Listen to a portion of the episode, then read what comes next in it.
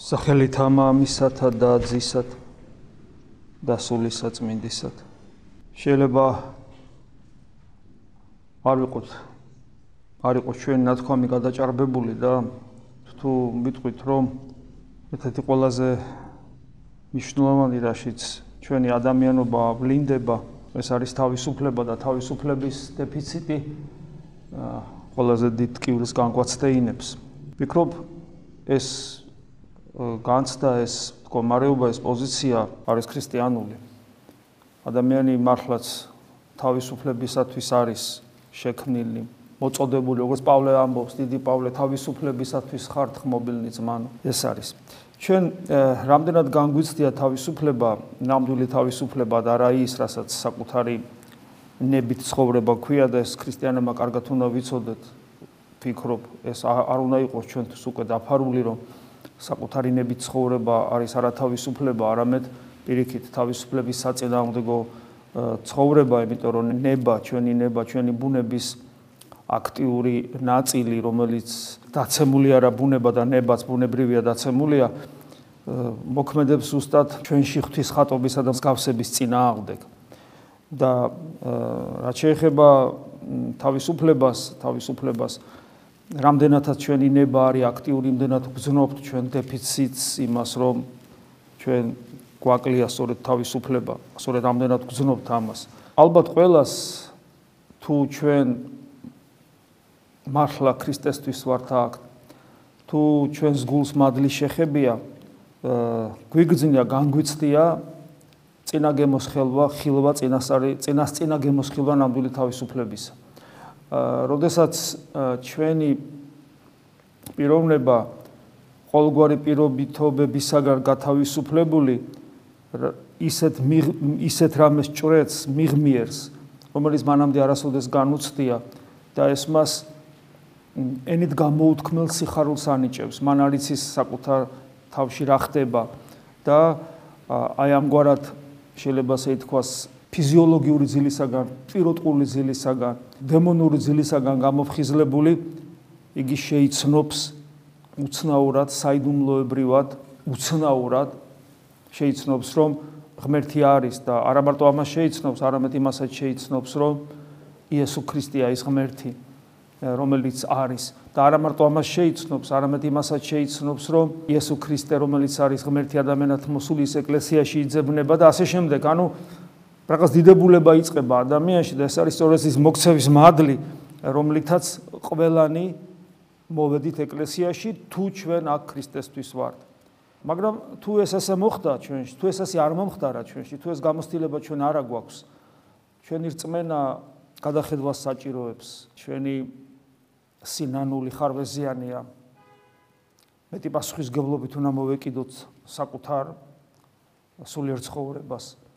იმიტომ რომ ეს აუცილებლად უნდა განცდილი გქონდეს, იმიტომ რომ ჩვენ ოდესღაც არ გულისხმობ იმას, ვინც ბავშვობიდან მორწმუნეა, მას ეს გარდამავალი საფეხური არ განუცდია, მაგრამ ვინც ურწმუნოები ვიყავით და მე მორწმუნენი გავხდით, აი ეს გარდამავალი საფეხური რის მერე რაღაც წერტილის მერე ჩვენ ქრისტიანები გავხდით, აი ეს გარდამავალი საფეხური ჩვენს მიერ განცდილი უნდა იყოს. განცდილი უნდა იყოს. და აი ეს სიახლე ენით გამოუთქმელი შეიძლება ასე ითქვას, რომელიც ძალიან დიდ სიხარულს უკავშირდება, არის თანაზიარი ნამდვილ თავისუფლებასთან. და ჩვენი სიხარულის ამ დროს ჩვენი სიხარულის ერთ-ერთი მთავარი მიზეზიც არის ხოლმე აი ეს ეს თავისუფლება, რომელიც იმ დროს მოგვეცა. მაგრამ ჩვენ იმის გამოცდილებაც უკვე უნდა გქონდეს, რომ როგორ კარგავთ ჩვენ ამ დიდებულ განს საჩუქარს, რომელსაც ღმერთი ასე დაუმსახურებლად გვაძლევს. მრავალი მიზეზია იმისა თუ რატო დავკარგეთ. ერთ-ერთი მთავარი მიზეზი ის არის, რომ ჩვენ კი მოგვეცა, მაგრამ ჩვენ არ ვიცოდით რა მოგვეცა. ჩვენ მეორე უფრო ვაანალიზებთ, რა მოგვეცა და მე რა დავკარგეთ. ჩვენ მოგვეცა, მაგრამ არ ვიცით რა მოგვეცა. ჭეშმარიტად დაუმსახურებლად იყო ის. ამიტომაც ვერ შევინარჩუნეთ. ჩვენ არც ის ვიცოდით როგორ შეგვენარჩუნებინა. და ჩვენ არც ის ვიცით როგორ მოვიპოვოთ. და როგორ როგორ მოვახერხოთ რომ დავიბრუნოთ. და შესაბამისად ჩვენი სულიერი ცხოვრება ერთი დიდი ტკივილით ივსება, შეიძლება ასე ითქვას. გვაქვს განსაცვიფრებელი აი ამ მადლის გვახსოვნა ამ განსაცვიფრებელი მადლისა, რომელიც რომელსაც თავისუფლება ქვია, რომელსაც ენით გამოუთქმელი სიხარული ქვია ღმერთთან შეხვედრისა, ღმერთის არსებობაში დარწმუნებულობისა, ქრისტეს ღმერთობის რწმენისა, ეკლესიის მისტიური ჭრეტისა, ეკლესიაში ქრისტეს ძიების სურვილისა, აი ეს ყველაფერი და შემდგომ შემდგომ ეს თითქოს ეს ყველაფერი ჩვენს თვალსაჩინარიდან იხურება, გვჩება ცოდნა, გვჩება ხსოვნა უფრო სწორედ, გარკვეული გამოცდილება, იმიტომ რომ ეს გარკვეული პერიოდი გრძელდება ეს ამგვარი მდგომარეობა ადამიანისა, ვისთან მეტი, ვისთან ნაკლები და იწება ერთი ტკივილიანი ცხოვრება სულიერ ცხოვრებაში რომელიც ჩვენში ბადებს გლოვარებას და ეს გლოვარება იმდენად აუცილებელია რომ ჩვენ ვიცით რომ ცხრანეტარებაში ჩვენი ბედნიერების ერთ-ერთი აუცილებელი პირობა სწორედ ეს გლოვარებაა. რატომ არის იგი აუცილებელი? იმიტომ რომ ჩვენში არსებული მგლოვარება, მგლოვარება ქრისტესათვის და არა ამ სოფლიური მიზნებისათვის ქრისტესად მგლოვარება არის ერთ-ერთი ნიშანი იმისა, რომ ჩვენ განვიცადეთ ერთხელ თავისუფლება და ის დავკარგეთ. ჩვენ განვიცადეთ თავისუფლება, ანუ განვიცადეთ სიцоცხლე, ანუ განვიცადეთ ქრისტე ჩვენში და დავკარგეთ. იმიტომ რომ თავისუფლება თავად ღმერთია. ჩვენ განვიცადეთ ერთხელ და დავკარგეთ. როდის იგზნობა ყველაზე მეტად რომ ჩვენ გვაქვს პრობლემა ამ კუთხით, გვაქვს დეფიციტი თავისუფლების. ანუ ქრისტესი. ყველაზე მეტად ვფიქრობ ეს იგზნობა ევქარისტიული მსახურების დროს და გონებისმიერი ლოცვის დროს.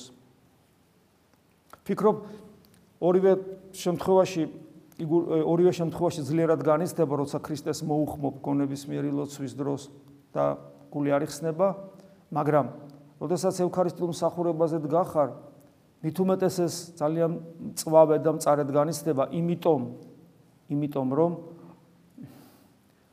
იმდენად ძლიერად გვეხმარება უფალი წირვის დროს. აი ჩვენ ხო დაუღლელად, მადლობა ღმერთს, დაუღლელად მოვდივართ. მრავალი თქვენგანი თითქმის ყოველდღე მოდის წირვაზე და იმის საშუალება რო კონდეს, ამის საშუალება რო იყოს, ალბათ უმრავლესი მრევლის წევრი ასე იზავდა. რა ხდება? რატომ მოვდივართ? იმიტომ რომ ჩვენ გძნობთ, განვიცდით, რომ ყველაზე მეტად ღმერთი წირვაზე გვეხმარება. გვეხმარება იმისათვის, რომ გვაგრძნობინოს, განგვაცდევინოს ჩვენი შვილებრივი ღვთის შვილებრივი ღირსება, ანუ ჭეშმარიტ თავისუფლება გვაგრძნობინოს. და ამ დროს ყველაზე მეტად იგზნობა, რომ არა ვარ თავისუფალი და ამ დროს ყველაზე მეტად იგზნობა მიზეზი იმისა თუ რატომ არა ვარ თავისუფალი. როგორ გაუვალ კედლად არის აღმართული ჩვენსა და ქრისტეს შორის ჩვენივე ვნებიანი ცოდვით ახსავსე ამასოფლის სული დამძიმებული გული და იწება მრავალწლიანი ჩვენ ცხოვრებაში დაწყებულია მადლობა ღმერთს მრავალწლიანი იმდენი ხანიანი რამდენ ხანსაც ღმერთი მოგცემს ამ ცხოვრებაში მრავალწლიანი ღვაწლი იმისათვის რომ ეს გაუვალი კედელი ჩვენი ვნებიანი ცოდვი დამძიმებული ამაყი ამპარტავანი ეგოისტი გაქოვებული გულისა გადავლახოთ გადავლახოთ და ქრისტეს ხელი ჩავჭიდოთ. და აი აქ აი ამ მრავალწლიან ღვაწლში უამრავი საცდური აქვს ადამიანს, იმიტომ რომ შმაკი ხო არასოდეს არ ისვენებს და ერთ-ერთი რითაც ის ჩვენ გვებრძვის, ის გვებრძვის არამხოლოდ ცოდვით, პირდაპირ გაგებით ცოდვით, არამედ ერთ-ერთი რითაც ის გვებრძვის, ეს არის ჩვენი რელიგიური ცხოვრება. აქედან იბადება ფანატიზმი, აქედან იბადება ათასგარი ჯურის გაუკუღმართება სულიერ ცხოვრებაში, რომლებიც ადამიანებს ღმერთს აცილებენ და არ აახლოვებენ. ჩვენ ეკლესიის ისტორიას თუ გადავხედავთ, ეს არის ერთი დიდი, აი შეიძლება ითქვას, სისხლიანი დრამა. როდესაც ეკლესიაში იდევნებოდნენ და იდევნებიან წმინდანები. რატომ ხდება ესე? ვისგან იდევნებიან? მორწმუნეებისგან. დაწყებული ჯერ კიდე პავლე მოციქულთან ხედავთ ამას. რატომ ხდება ესე? იმიტომ რომ კიდევ ვიმეორებ ეკლესიაში ეშმაკი ყველაზე ძლიერად იბძვის და ის იბრძვის რელიგიის საშუალებით. გახსოვთ ერთხელ პავლე მოციქული ამგვარ ადამიანებს ზაღლებსაც კი უტოლდებთ. აი პირდაპირ ესე ამბობს. ერიდეთ მაგ ზაღლებს საშინელი სიტყვებია, ხო? ვიზე საუბრობს? ეკლესიის წევრებზე საუბრობს, რომლებსაც სურთ სურთ ჭეშმარიტ ქრისტიანებს თავისუფლება წაართვან. გახსოვთ პავლე მოციქულის ეს საკმაოდ კაცრი სიტყვები. აი დღესაც ჩვენ გალატელთან მიმართ ეპისტოლეს კითხულობდით, წავიკითხეთ რაღაც ნაწილი და აი ამ კუთხით რომ ჩვენ თავისუფლება უნდა რეალიზდეს ჩვენში, იმიტომ რომ თავისუფლების რეალიზება ჩვენში ნიშნავს, რომ ჩვენ შევიცანით ჭეშმარიტება, ანუ ქრისტე შეიცან ჭეშმარიტება და ჭეშმარიტება გაგან თავისუფლებთ, თავისუფალი ადამიანი ქრისტეს ცნობელია, ხოლო თუ ადამიანი თავისუფალი არ არის, ქრისტეს ცნობელი არ არის და თავისუფლების დეფიციტი გვტანჯავს და ჩვენ ამას უნდა ვგზნობდეთ და განმისდიდეთ და ჩვენ თავისუფლების არქონის შედეგად არსებულ ჩვენში ტანჯვას უნდა გაურბოდეთ არა ამ ქვეყნიური გართობით, არამედ იმით, რომ ეს გულის, ვნებიანი გულის ეს გაბოროტი, გაბოროტებული და გაქვეებული გულის ეს გაუვალი კედელი გადავლახოთ. და დღეს კიდევ ერთხელ გალატელთა მიმართ ეპისტოლე აა ფიქრობ გვაჩვენებს იმას, თუ რა არის იმისათვის საჭირო, რომ ჩვენი თავისუფლება რეალიზდეს, რომ ჩვენი გული არ გახდეს ხელის შემშლელი იმისა, რომ ჩვენ ჭეშმარიტი ქრისტიანები ვიყოთ. კითხულობთ ესეთ რამეს, არ უგულებელ ყოფ ღვთის მადლს პავლე მოციქული ამბობს, რადგან თუ გამართლება რჯულისაგანაა, თუ გამართლება რჯულისაგანაა, ანუ რელიგიური წესისგან, გამართლება, გამართლება, რელიგი, ანუ ცხონება, გადარჩენა თუ რელიგიური წესისაგანაა, მაშინ ამაოდ, ამაოდ მომკვდარა ქრისტე. ანუ ეს ხედავთ კიდევ როგორ აი კიდევ ერთხელ მე რამდენი პავლე მოციქული ამაზე ბევრს საუბრობს. ამას თავის მიზეზები აქვს, რომ ბევრს საუბრობს. და ერთ-ერთი მიზეზი არის ის, რომ თვით ეკლესიის წიაღში მაშინ, მაშინ მაშინ როცა ჯერ კიდე ყველაფერი ესე ცოცხალი იყო, ნახეთ აი ქრისტე გუშინ მათ მათ წინ იყო, მათ თვალ წინ იყო გუშინ ქრისტე. ეს ყველაფერი როგორი ცოცხალია და მაინც, მაინც როგორი როგორი მძლავრია ადამიანში ეს უქრისტეო რელიგიურობა, უქრისტეო რელიგიურობა, როგორი მძლავრია. და აი პავლე მოციქული ძალიან ბევრჯერ უწევს ამის გამო საუბარი ტკივილიანი საუბარი. ამაოდ მომკვდარა ქრისტე თუ გამარ გამართლება რჯულისაგან არის, ანუ რელიგიური წესისაგან არის. ამაოდ მომკვდარა ქრისტე ეს ნიშნავს იმას, რომ პავლე მოციქული გავალდებულებს, რომ მუდამ გვახსოვდეს ჯვარცმის საიდუმლოება. ჯვარცმის ღმერთი მოკვდა, ღმერთი მოვიდა და მოკვდა. როგორც კი უპირატესობა ეძლევა ჩვენს გარეგან ღვაწლს, იმ წამსვე დაიწყებულია ის მთავარი რაც არის ქრისტიანობაში ღმერთი მოკვდა ჩვენთვის ჯვრის საიდუმლოება. ეს არის საიდუმლოება. ამიტომაც მისი დაიწყება ძალიან იოლია. საერთოდ დაიწყება ერთ-ერთი თვისება დაცემული ბუნებისა მაგრამ ის რაც საიდუმლოებრივია რაც ღმერთთან თანამშრომლობით ხდება ჩემთვის გასაგები და რასაც უბრალოდ გონებით ინტელექტუალურად ვერ გავიგებ და ეს არის სწორედ ჯურის საიდუმლოება. მით უმეტეს მისი დაიწყება იოლათ არის შესაძლებელი. ამიტომ მუდმივად უნდა გვახსოვდეს ჯვარცმის საიდუმლოება. ამიტომ პავლე მოციქული გონება ამაოდ არ მომკვდარა ქრისტე. ნუ ფიქრობ რომ შენი ღვაწლით გამართლდები. მე აგძელებს ეჰა უგუნურნო გალატელნო უგუნური სულ ეს ნიშნავს.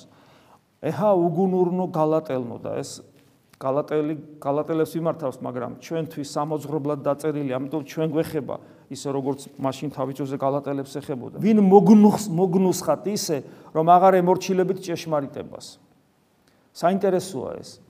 ანუ ადამიანი, რომელიც ჯვარცმის საიდუმლოებას ივიწყებს, ის კარგავს ჭეშმარიტებას, რაღაცით მონუსხული ხდება. და ახსენებს აფრთხილებს თქვენ აღარ ემორჩილებით ჭეშმარიტებას და მე ახსენებს თქვენ ვის თვალწინაც გამოისახა იესო ქრისტე? ვის თვალწინაც გამოისახა? გალატელებს ქრისტეს ჯვარცმა არ უნახავთ?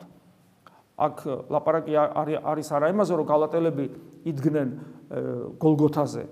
არამედ აქ აქ საუბარია რწმენით ხედვაზე. რწმენით. ნეტარია ის ვისაც არ მხილავდა რწმენე. ჩვენ რწმენით ხედავთ.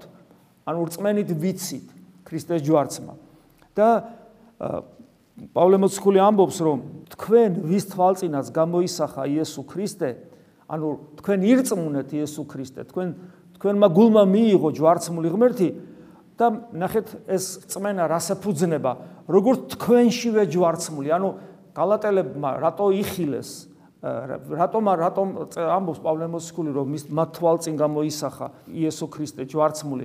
იმიტომ რომ ჯვარცმა ქრისტეს ჯვარცმა ღმერთის ჯვარცმა როგორც საიდუმლოება მათ შინაგანი მათი შინაგანი გამოცდილება თქვენშივე ჯვარცმული. ჩვენ ვისაც გვწამს იესო ქრისტე ჯვარცმული ეს არის ჩვენი შინაგანი გამოცდილება. და შესაბამისად ჩვენ შეგვიძლია ვთქვათ პავლე მოსკული ჩვენ ვიცით ვინც ვირწმუნოთ ჩვენ ხედავთ ხედავთ და შესაბამისად თელ ცხოვრებას ვუძღვნით. იმიტომ რომ ეს ჩვენი შინაგანი გამოცდილებაა. და თუ შინაგანი გამოცდილება არ არის, წმინდა მამები ასე განმარტავენ ამ ადგილს, რომ იყვნენ ადამიანები, რომლებიც თვალწინ ფიზიკურად გამოისახა, ხედავდნენ, მაგრამ მათ შინაგან გამოცდილებად ეს არ გადაქცეულა. გესმით, თუ შინაგან გამოცდილებად არ გადაიქცა, გარეგნულ ხედვას აზრი არ აქვს. ხოლო თუ შინაგან გამოცდილებად ის ჩვენში არსებობს, მაშინ ეს იგივე ხედვა და ხედვაზე მეტია. მაგრამ ეს რას ნიშნავს ეს სიტყვები? ეს ყველაფერი მომხდარია გალატელებში და მე ივიწყებენ ჭეშმარიტებას. ივიწყებენ და ამიტომ უგუნურებს უწოდებს. ანუ თუ ჩვენში ჯვარცმული ღმერთის წმენა ჩვენს გამოცდილებად არის გადაქცეული, ეს ნიშნავს, რომ დიდი პასუხისგებლობის წინაშე ვდგები. გავარკვიოთ, მართლაც ესია, მართლა გვწამს, რომ ქრისტე ღმერთი ჯვარცმულია ჩვენთვის, ჩემთვის, მართლა გვწამს და თუ ეს ასეა, მაშინ ჩვენ დიდი პასუხისგებლობის წინაშე ვდგებით, იმიტომ რომ პავლე მოციქული რო გეტყვის, რომ მეტყვის, რომ შენ ესე იგი სულელი ხარ, ეს არც ისე სახარბიელო მდგომარეობაში მომყოფებს მე. რომ მე ვიცი, რომ ქრისტე ჯვარცმულია და ამ დროს მე ჩემს ყოველდღიურ სულიერ ცხოვრების პრაქტიკაში გარეგან გარეგანზე ვაკეთებ აქცენტს და შინაგანს მივიწყებ. და ასე დროს პავლე მოციქული მეუნება სულელი ხარ, ანუ უგუნური ხარ. შემდეგ აგძელებს პავლე მოციქული. ცხადია რომ რჯულით ვერავინ გამართლდება ღვთის წინაშე. გასაგებია ხო რატო ვერ გამართლდება რჯულით? რჯულით რო გამართლება ყოფილიყო შესაძლებელი, ანუ რა არის რჯული? ესე იგი ღმერთისაგან მოდის ცოდნა, რომელიც მე მაძლევს საშუალებას თუ მე ცოდნა მივიღე რწმენით, რომ ამ ცოდნის შესაბამისად ვიცხოვრო. ამას ღვთის განკაცების და მისი ჯვარცმის საიდუმლოება არ ჭირდება. ამისათვის საკმარისია წინასწარმეტყველი, რომელიც განწმენდილი გულით მეტნაკლებად სწორად აღიქვავს საფრთხო ინფორმაციას და მე მაწვდის ესეა მთელი ძველი აღთქმის ჯული. ეს ვით აი მასია საქმე. ამით და ჯული ეგ არის ზუსტად ვით როგორ ვიცხოვრო მე გარეგნულად და პავლემოსკული კიდევ ერთხელ მეუბნება რომ ჯულით ვერავინ გამართლდება ღვთის წინაშე. ვინაიდან მართალი რწმენით იცოცხლებს. გახსოვთ აბრაამის მაგალითი. აბრაამის გადარჩენა როდის დაიწყო? როცა რჯული ქონა, არაფერი რჯული მას არ აქონდა.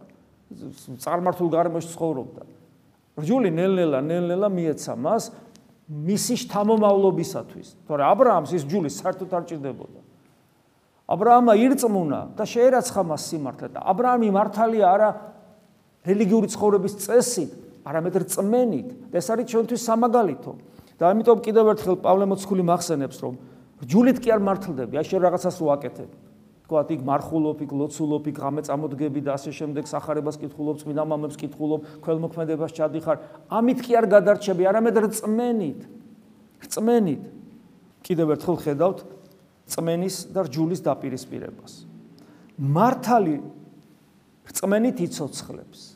მართალი რწმენით იცოცხლებს. ჩვენი მიზანი ხო სიცოცხლეა, სიცოცხლე თავად ღმერთია. მაგრამ იმისათვის რომ ვიცოცხლო ამისათვის საჭიროა ვიყო მართალი. ანუ სიცოცხლე არის სიმართლისგან, საფრთხო სიმართლისგან.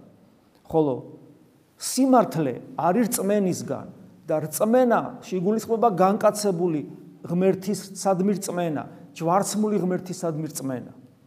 რომელიც თლიანად შემარსებას ცulis. რომელიც დიდი საიდუმლოებაა, ჩემში ახსრულ, ჩემში ახსრულებული საიდუმლოებაა ეს. იმიტომ რომ ჯვარცმული ღმერთის რწმენა ეს არ არის ლოგიკური მიხვედრილობა, ეს რაღაც განსაცვიფრებელი რამ არის. ის რწმენა თუ ჩემში შემოვიდა, ჩემში იწება საიდუმლოება ღმერთთან ურთიერთობისა. აი ეს უნდა აღესრულოს ჩემში. ხოლო ჩემი ღვაწლი, ჩემი ღვაწლი უნდა იყოს შედეგი, ناყოფი ჩემი ჯვარცმული ღმერთისადმი სიყვარულისა. ჯვარცმული ღმერთი ნიშნავს, ჩემთვის მომკვდარი ღმერთი ნიშნავს, რომ მე მეძლევა ძალიან ძლიერი мотиваცია, რომ მიყვარდეს ღმერთი, ვუერდგულო მას და არა მარტო მიყვარდეს და არა მარტო ვუერდგულო მადლიერებიდან გამომდინარე, არამედ იგი ვეძებო, იგი ჩემი ცხოვრების საზრისი ხდება. ამიტომ მე ვიღწვი არა იმიტომ, რომ ჩემი ღვაწლი გადამჩენელია, ამას ყოველთვის ხას უსვავთ, არამედ მე ვიღწვი იმიტომ, რომ სხვაგვარად არ შემიძლია. არ შემიძლია რომ არ ავდგე და რომ არ ვილოცო. არ შემიძლია რომ არ გავიღვიძო ლოცვისათვის, არ შემიძლია რომ არ წავიკითხო სახარება, არ შემიძლია რომ არ წავიკითხო წმინდა მამები, არ შემიძლია რომ არ მოვიდე წირვაზე და არ ვეზიარო, არ შემიძლია რომ მოყვას არ უყურო ქრისტეს თვალებით, იმიტომ რომ მე ამით გამოვხატავ მადლიერებას, ჩემთვის მომკვდარი ღმერთის ადმე. ამით გამოვხატავ მადლიერებას. ვიცი რომ ჩემი ეს ქმედება, ჩემი ეს ღვაწლი ჩემთვის არაფრის მომცემი არ არის, იმიტომ რომ მე რაც არ უნდა ვეცადო, ვერ გავარღვევა აი ამ ჩაკეტილ სამყაროს და ვერც და ჩემ დაცებულ ბუნებას ვერაფერს ვერ უზავდა, ვერ ჩემ გაქვეებულ გულს ვერ დავამარცხებ, მაგრამ მე მაინც ვაკეთებ კიდევ მეორებ, არა იმიტომ რომ ამას რამე ძალა აქვს, არამედ იმიტომ რომ სხვაგვარად არ შემილია. როგორც დავით მეფსალმონეს მაგალითი მოყავს ხოლმე რომ სანამ არ ვიპოვი იმ ადგილს სადაც ღმერთია არც დავიძინებ არც დავისვენებ არც დავხუჭავ თვალებს ამ შემდეგ ჩვენ არ შეგვიძლია სხვანაირად. და აი ამით ვლინდება ვლინდება ჩვენი სიყვარული ან სიყვარულის მცდელობა ღმერთისადმი რომელმაც ჩვენ შეგვიყვარა წერილმა სოდვის ქვეშ მოამწყდია ყველა. კიდევ ჩდება კითხვა. ბუნებრივია. კი მაგრამ კი მაგრამ ცნებები რატო გვაქვს წერილი, წერილი, ანუ გამოცხადება, გამოცხადება, რომელიც მეუნება, როგორ ვიცხოვრო, რომელიც რაღაცას მიგძალავს ძველ აღთქმაში, ახალ აღთქმაში, რომელიც რაღაც მიმართულებებს მაძლევს, ხო? კი, მაგრამ ეს რასაჭიროა? წერილი ცოდვის ქვეშ მოამწყდეს ყველას. ანუ რჯული არის იმისათვის, გარეგანი რჯული, რომ ცოდვა აღმოჩნდეს.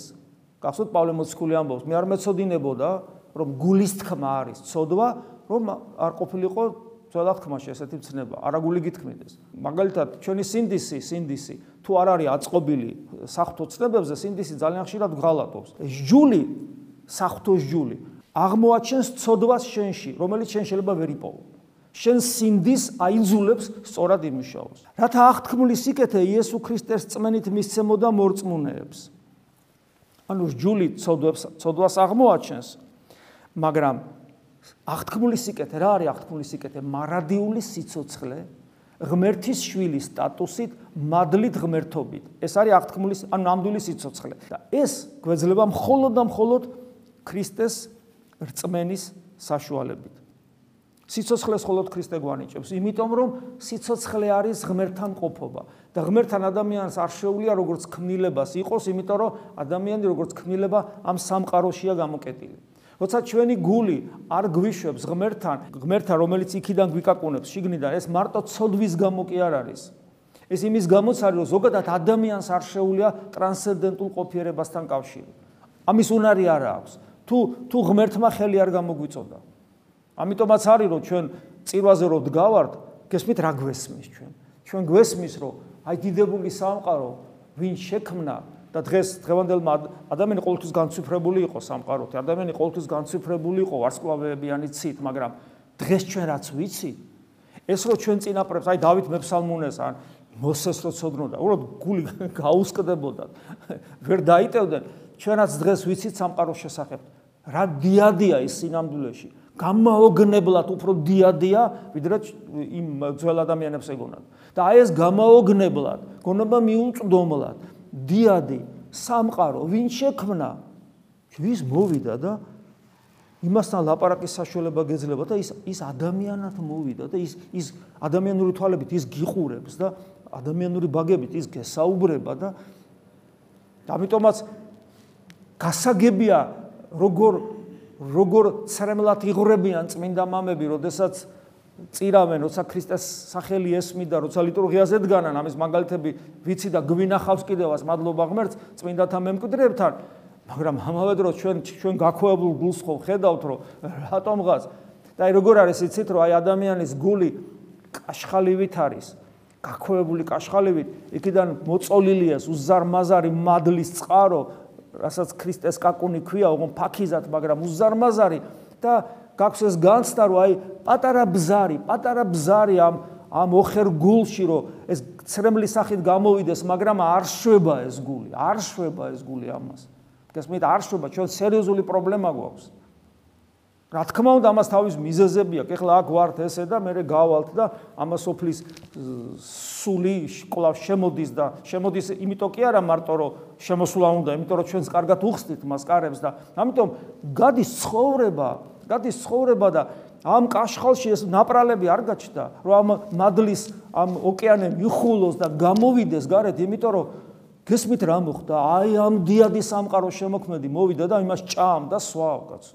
ამაზე ამაზე მეტი დამდაბლება ღმერთისა და ამან თუ არ ამატირა, ამან თუ ცრემლი არ დამაღურევინა, ამან თუ რა უნდა დამაღურეინო ცრემლი, რა უნდა განმაცდეინო საერთოდ რამე. და რა არის მაშინ სიყვარული და რა არის სიцоცხლე თუ ეს ვერ გამიცადე და მინდა და ვერ ვაკეთებ, ესე იგი არა ვარ მე თავისუფალი. ამიტომაც წეღანას გითხარით თავში რომ წირვის დროს ყველაზე მეტად განვიცდით იმას, რომ ჩვენ თავისუფლები არა ვართ. და ამიტომაც არის, რომ ვიმსახურებთ ჯერ წირვაზე ვერ ჩერდებით ხშირად და სადღაც დაურბივარ და ან ლაპარაკი გვინდა და მადლობა ღმერთს, რომ თქვენ მეტნაკლებად რაღაცნაირად ეს გარგმული სახე მაინც მიიღეთ. რომ მე გავდივართ და ერთი სული გვაქვს, რომ დავიწყოთ ლაპარაკი და მთელი ეს მადლი დავკარგოთ. ხომ ესე ხდება? და ვლაპარაკობ იმაზე, რომ შეიძლება გავიდეთ და იმ წამსო ვიღაცას განვიკითხოთ, ვიღაცას ვეჭხუბოთ. აი ეს უბედურება გჭირს. არა ვართ თავისუფალნი. არა ვართ თავისუფალი. შეზღუდულები ვართ, დაპყრ შეპყრობილები ვართ. და სიცოცხლეს მხოლოდ ქრისტე გვანიჭებს, რომელიც ჩვენშია, თან თან მთელი პრობლემა რაშია, რომ სადღაც კი არ არის კაცო. და ჩვენშია, ჩვენში, ჩვენ ტაზარი ვართ ღვთისა. ნახეთ ეს ჯაჭვი როგორ არის? ღმერთი მოდის ადამიანად განკაცება ემბრიონი ემბრიონი ემბრიონი მარიამის წიაღში. არის ღმერთისა და ადამიანის ერთობა. ღმერთი გამოჩნდა ხორცით. მთელი სავსება ღვთაებრივი დამკვიდრებულია ემბრიონში პატარაში იქ თვალით უხილავში და ის უკვე ღმერთია განკაცებული. და განკაცებული ღმერთი ანუ მთელი სისავსე ღმრთაებრივი როგორც პავლე ამბობს დამკვიდრებულია ქრისტეში ხორციელად. მთელი სისავსე ღმრთაებრივი დამკვიდრებულია მარიამში. მარიამი ღვთის ტაძარია. ანუ ემბრიონი ღვთის ტაძარია. მარიამი ღვთის ტაძარია. და ჩვენ შემდგომ ვინათლებით ქრისტეს სხეულის ნაწილი ხვდებით ვეზიარებით ჩვენ ღვთის ტაძარი ხვდებით ღმერთი ჩვენშია. ეს არის ყველაზე დიდი საიდუმლოება ახალი აღთქმის ეკლესიისა და ქრისტიანობისა. ამიტომ საძიებელი არსად არა გო ყველაფერი აქ არის, ყველაფერი აქ არის. მაგრამ აქვეა ის ბოროტება, რომელსაც ჩვენი გაქვეებული გული ქვია.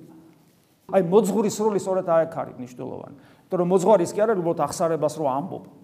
მოძღვარი არის ადამიანი, რომელიც თავის გამოცდილებით მიხვდება რომ შენ თავისუფლებისაკენ რო ისრაფ ეს კარგია, მაგრამ მიხვდება რომ შენი თავისუფლებისაკენ სწრაფვა უკვე ხარვეზიანი ხდება და ისე გინდა გათავისუფლდეს ჯულისაგან, რომ ჯერ ჭეშმარიტება არ გიპოვია და ქრისტეს გარეშე თუ გათავისუფლდების ჯულისაგან, ან თუ ჯერ ანუ თუ ჯერ გარეგან გარეგანმა რელიგიურმა ცხოვრებამ ქრისტესთან ჯერ არ მიგიყვანა და შენ გგონია რომ ხარ ქრისტესთან და იმ გარეგნულ ჯულსაც იცილებ, ეს არის ძალიან საშიში და შენ ხდები შენი სიამაყის და შენი პატიმოყარეობის და შენი ეგოიზმის თყვე, რაც ფაქტიურად ეშმაკის ჭურჭლად გაქცევს. ამიტომ აქ კიდევ ვიმეორებ, აქ არის მოძღურის როლი ძალიან დიდი.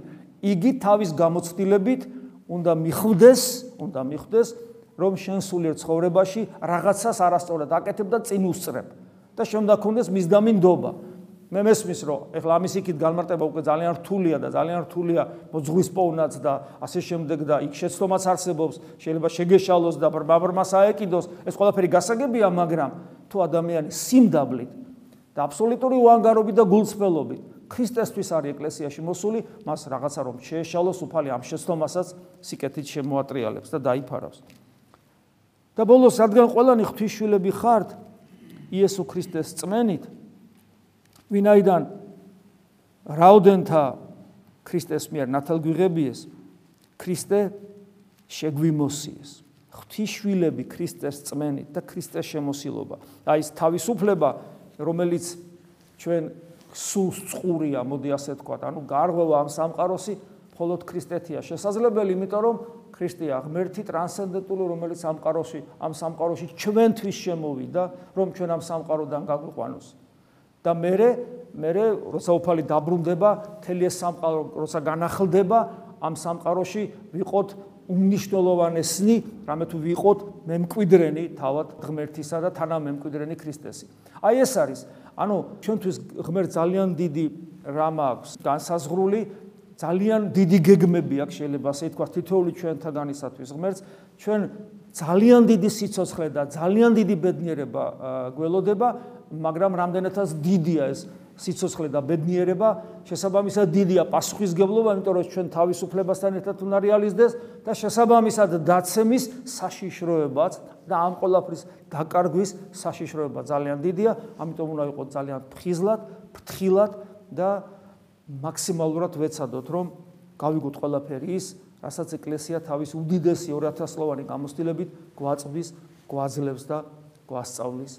ამინ. მადლი უფლისა ჩვენისა იესო ქრისტესი და სიყვარული ღვთისა და მამისა და ზიარება სულისა წმინდისა იყოს თქვენ ყოველთა თანა.